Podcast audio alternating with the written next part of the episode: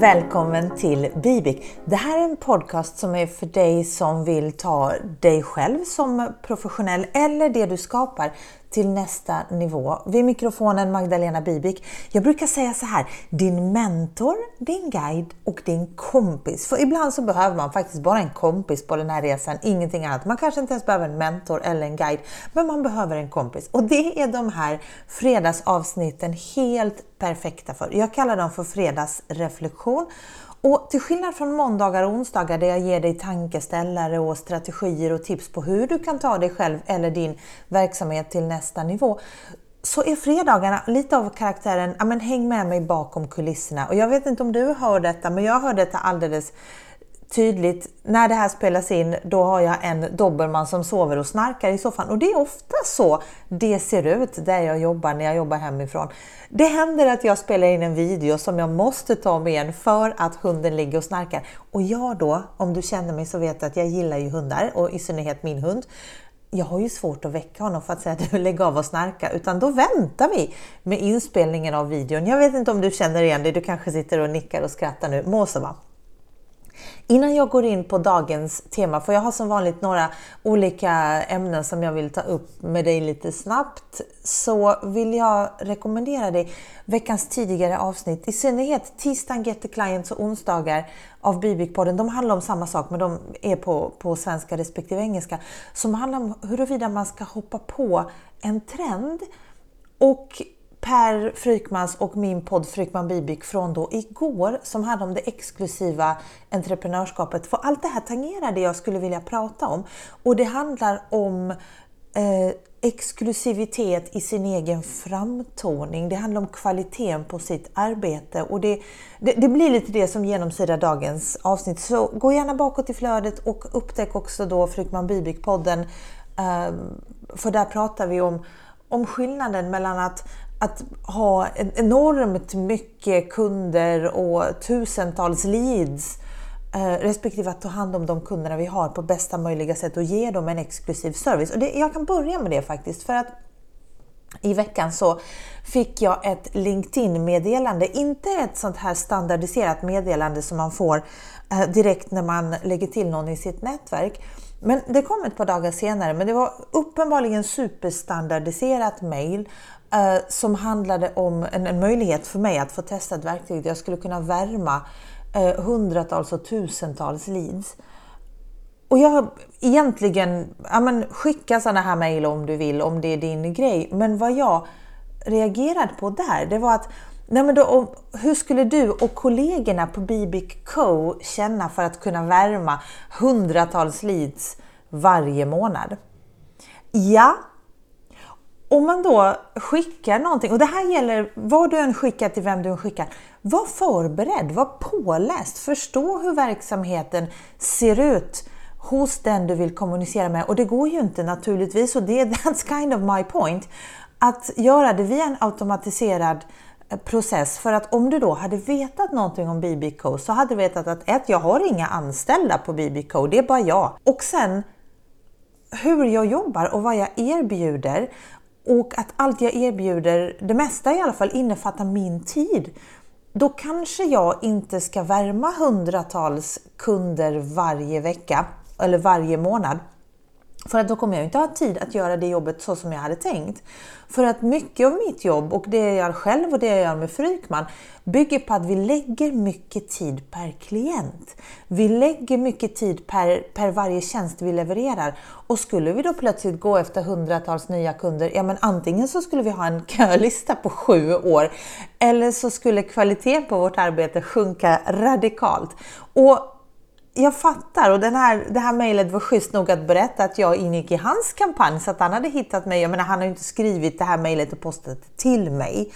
Uh, vilket jag också kan vara lite såhär, don't waste my freaking time. För att om jag skickar ett mejl till dig på LinkedIn eller någon annanstans Vet säkert att jag har skrivit detta till dig och inte till någon annan. Och därav så har jag till exempel gått helt mot strömmen och tagit bort min maillista så mejlar jag till dig i något sammanhang, du som lyssnar, då kan du veta att det är jag som har suttit bakom tangentbordet och skrivit detta specifikt till dig. Vilket också handlar om, om den här exklusiviteten och i mitt professionella rykte, i min analys, min tagline så står det en working with her is an opportunity of a lifetime. Och det är så jag också vill att det ska kännas. Då kan jag banne mig inte värma hundratals leads varje månad. Jag menar inte att den metoden är fel, men den metoden är fel för mig. Och den som har skickat det här mejlet borde ha varit förberedd nog att eh, veta detta och att jag då till exempel inte har anställda på VBK. Det, det roliga var, det absolut roligaste eh, jämförelsen med detta var när, när någon i mitt tidigare liv när jag jobbade med stand-up comedy och drev en klubb som heter Stockholm Comedy Club så kunde jag bli uppringd av, av nya komiker som ville jobba på Norra Brunn eller Mafia Comedy eller på Rå. Eh, och, och den nivån av icke-förberedelse var ju nästan komiskt så jag kunde, jag, någon gång så vet jag att jag drog det ganska långt. Tills jag sa, men du, men då ska jag ringa till Peppe på Norra Brunn och berätta att du vill jobba där, för du har ju ringt till någonting helt annat. Och nog att jag faktiskt var schysst och ringde till Peppe och berättade att här var en komiker som ringde till mig, du kan väl avgöra detta själv. Men eh, den nivån av icke-förberedelse, lägg inte tid på sånt tycker jag, om du vill att, att, du, att vara exklusiv i din leverans. Jösses vilken lång utläggning det blev. Um, Någonting som jag har gjort här på senaste är att jag, jag har ju bestämt mig för att byta plattform från Podia till att lägga allting jag har, de kurserna som jag ämnar sälja framöver, onlinekurser och det är en faktiskt, bara en enda och det är The Blueprint. Um, de kommer ligga direkt på min hemsida BBK vilket har gjort att jag har väldigt mycket videomaterial över. Och då har jag tänkt att de har liksom lite grann tjänat ut sin, sin rätt som betalkurser. Och då åker de ut på min nya Youtube-kanal där jag i skrivande eller i inspelningsstund har hela fyra prenumeranter så att tycker du att det är värt så prenumerera på kanalen. Eh, men där kommer det finnas väldigt, väldigt mycket innehåll för dig som är intresserad dels av idégenerering. Även om jag inte aktivt längre jobbar så mycket med idégenerering per se så finns det extremt mycket content som skulle kunna vara användbart för dig som vill lära dig att, att göra idéerna ännu bättre men också givetvis som konceptutveckling. Och det är någonting som jag har gjort för att bygga kännedom, bygga varumärke om du så vill, eh, bygga Bibik eh, genom att ge bort väldigt mycket gratis material. Och vi har ju haft diskussioner om huruvida man ska ha, lämna bort sitt bästa material eller om man överhuvudtaget ska, ska lämna bort material gratis. Så du kan gå tillbaka i flödet här. Det var en icke-fredag utan det var en måndag eller en onsdag som vi spelade in det här avsnittet. Och nu lever jag ju då som jag lär genom att lägga ut jättemycket content. Jag tror dock, jag tror att om folk får se det här och tänker okej, okay, hon kan väldigt mycket om det här, så tror jag att det här leder till kunder. Även oavsett hur många tittningar, det räcker ju liksom med en och det räcker med en rätt kund för att eh, göra detta och oavsett antalet prenumeranter, det räcker med en.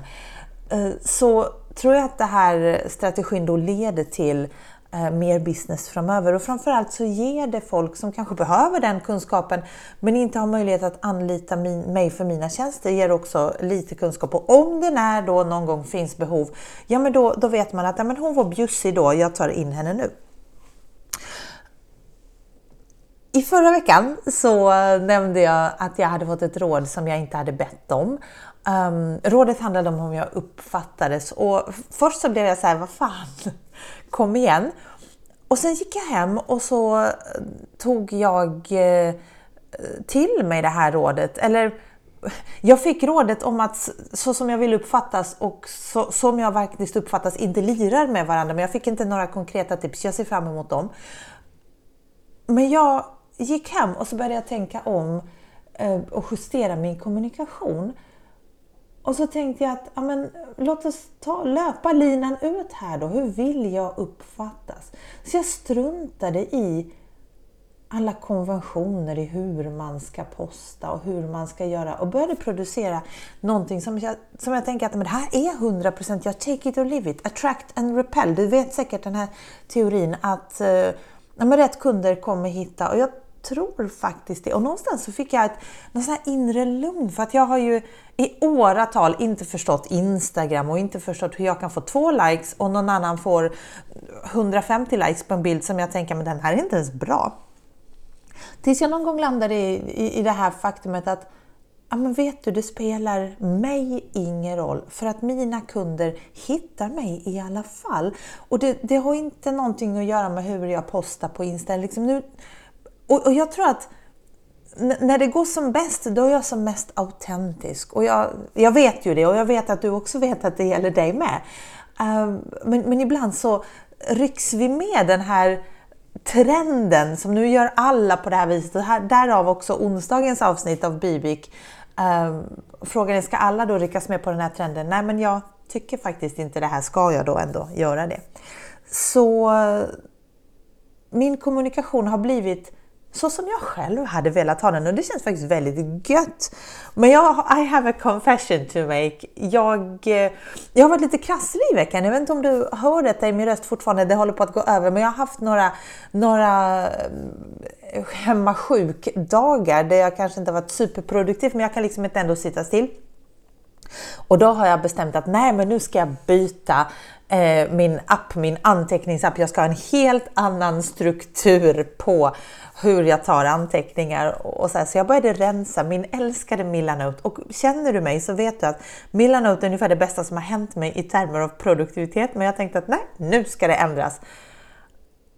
Och efter en, en hel dag i eh, sjuksoffan med te och eh, minimalistiskt rensad av Milanote så kom jag på att fan jag ångrar mig. Jag vill, nej, för jag hade testat någonting annat som var mycket sämre.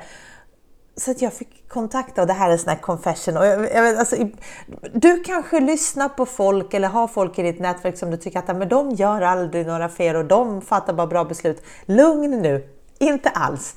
Utan jag fick ju kontakta supporten på Milanot och säga kan ni, kan ni återställa så som appen såg ut det här datumet?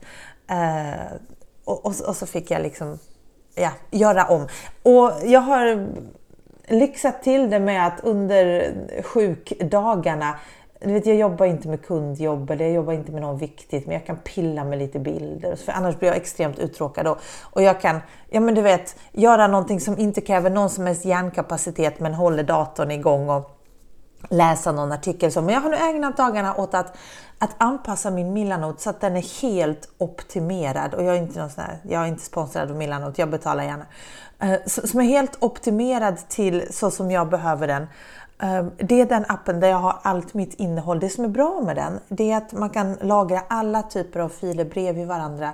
Eh, vare sig det är video eller, eller Excel eller PDFs eller noteringar eller att göra listor ska man Eh, lagra dem bredvid varandra. Och jag vet att Frygman tyckte att den var ful. Jag förstår inte vad han menar, men jag har faktiskt snyggat till den med att ersätta ikoner med foton och nu, ser den, nu är den helt perfekt. Så att mina tre sjukdagar har inte gått till spillo. Jag tror faktiskt att den här confessionen får avsluta veckans eh, fredagsreflektioner. Det blir ju såklart en lugn helg på grund av... Ja, jag ska säga jag kanske fick betala för att jag sa att nej men jag blir inte sjuk. Det gäller inte mig. Och pang så blev jag det. Så att eh, det väntar en lugn helg där jag på måndag är back in business fullt ut. Eh, så hoppas jag att du också får en jätteskön helg. Ha det så bra!